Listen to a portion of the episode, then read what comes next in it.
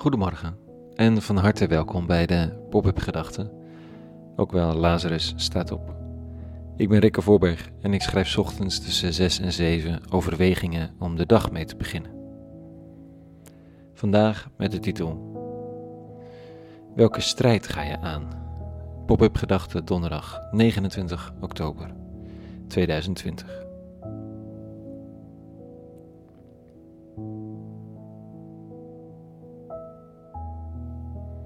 Choose your battles, zeggen ze dan. Welke strijd ga je aan en welke laat je aan je voorbij gaan? Je kunt niet alles winnen, je kunt niet eens elke strijd die je tegenkomt voeren. Soms ben je het er niet mee eens, maar laat je het. Soms weet je dat, dat een ander niet tot andere gedachten gebracht kan worden. Kies je strijd.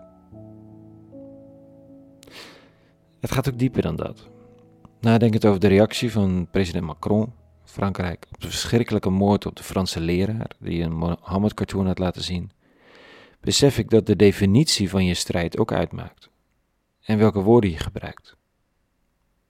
Natuurlijk moet Macron reageren op deze aanslag.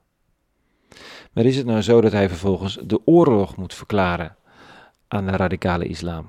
Kun je überhaupt een oorlog verklaren aan een niet te definiëren groep? En was eigenlijk niet de uitnodiging van deze moordzuchtige ellendeling om in naam van zijn geloof een heilige oorlog te voeren? Het is het diepste verlangen toch van enkele geradicaliseerden om een heilige oorlog te ontketenen. Met president Macrons oorlogsverklaring, en hij is niet de enige die op deze uitnodiging is ingegaan de afgelopen tien jaar, geeft hij wat deze mensen willen. En zij groeperen dan de islam achter zich, of doen hun best, en Macron het Westen. Niet oké. Dat was niet de bedoeling, want de waarden van het Westen gaan over multireligieus, multicultureel samenleven. De beste wraak op een harde aanval op die poging tot samenleven is er nog veel intensiever multireligieus en multicultureel gaan samenleven. Goed, er is wel heel erg veel politiek op de vroege ochtend. Laat dit rustig van je afglijden. Maar ik moet eraan denken omdat ik dit lees in de teksten van vanochtend. Onze strijd gaat niet tegen vlees en bloed, maar tegen de heerschappijen, tegen de machten, tegen de wereldbeheersers van de duisternis, tegen de boze geesten in de hemelen, Grijp daarom naar de wapenrusting Gods. Dan kunt u weerstand bieden op de dag der verschrikking en staande blijven, strijdend tot het einde. Ofwel, niet de strijd zoeken bij personen, bij individuen, maar de strijd aangaan met verdeeldheid zelf, met een geest van angst en wantrouwen, met oorlogszucht als zodanig. Zoals de oud verzetsheld Stefan Hessel schreef: Wie nog geweld gebruikt, is nog niet boos genoeg.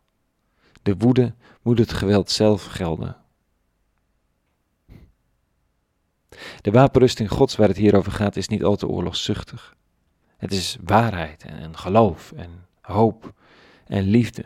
Dat vormt de wapenrusting. En de oorlogszuchtigen zullen het naïef noemen. Maar is hun vertrouwen in oorlog als middel tegen geweld eigenlijk niet naïef? Het is niet alleen de vraag of ik de strijd aanga, maar hoe ik de strijd aanga en waarmee eigenlijk. Kijk, als iemand me onheus bejegent op werk, dan heb ik een appeltje te schillen met diegene. Liefst heb ik excuses en of anders genoegdoening, op wat voor manier dan ook.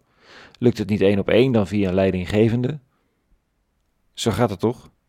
Een andere optie is om de strijd te laten varen en het los te laten. Dat zijn de twee opties die we meestal zien in het gewone leven. Maar de Paulus-tekst hierboven nodigt uit om te zoeken welke geest er achter een conflict schuilgaat.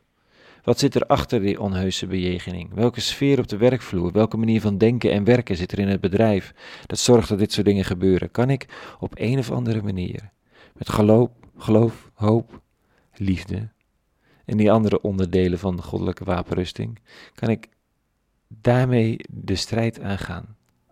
Met die geest, met die manier van denken, met die manier van werken. Vandaag een nieuwe dag. Door ons thuiswerken zijn de conflicten misschien wat anders deze dagen, maar ze zijn er nog steeds. Paulus nodigt ons uit om naar de geest van het conflict te kijken, naar patronen, naar achterliggende oorzaken. Een belangrijke uitdaging in spannende tijden. Tot zover de pop-up gedachten van vandaag. Een hele goede donderdag gewenst en vrede en alle goeds.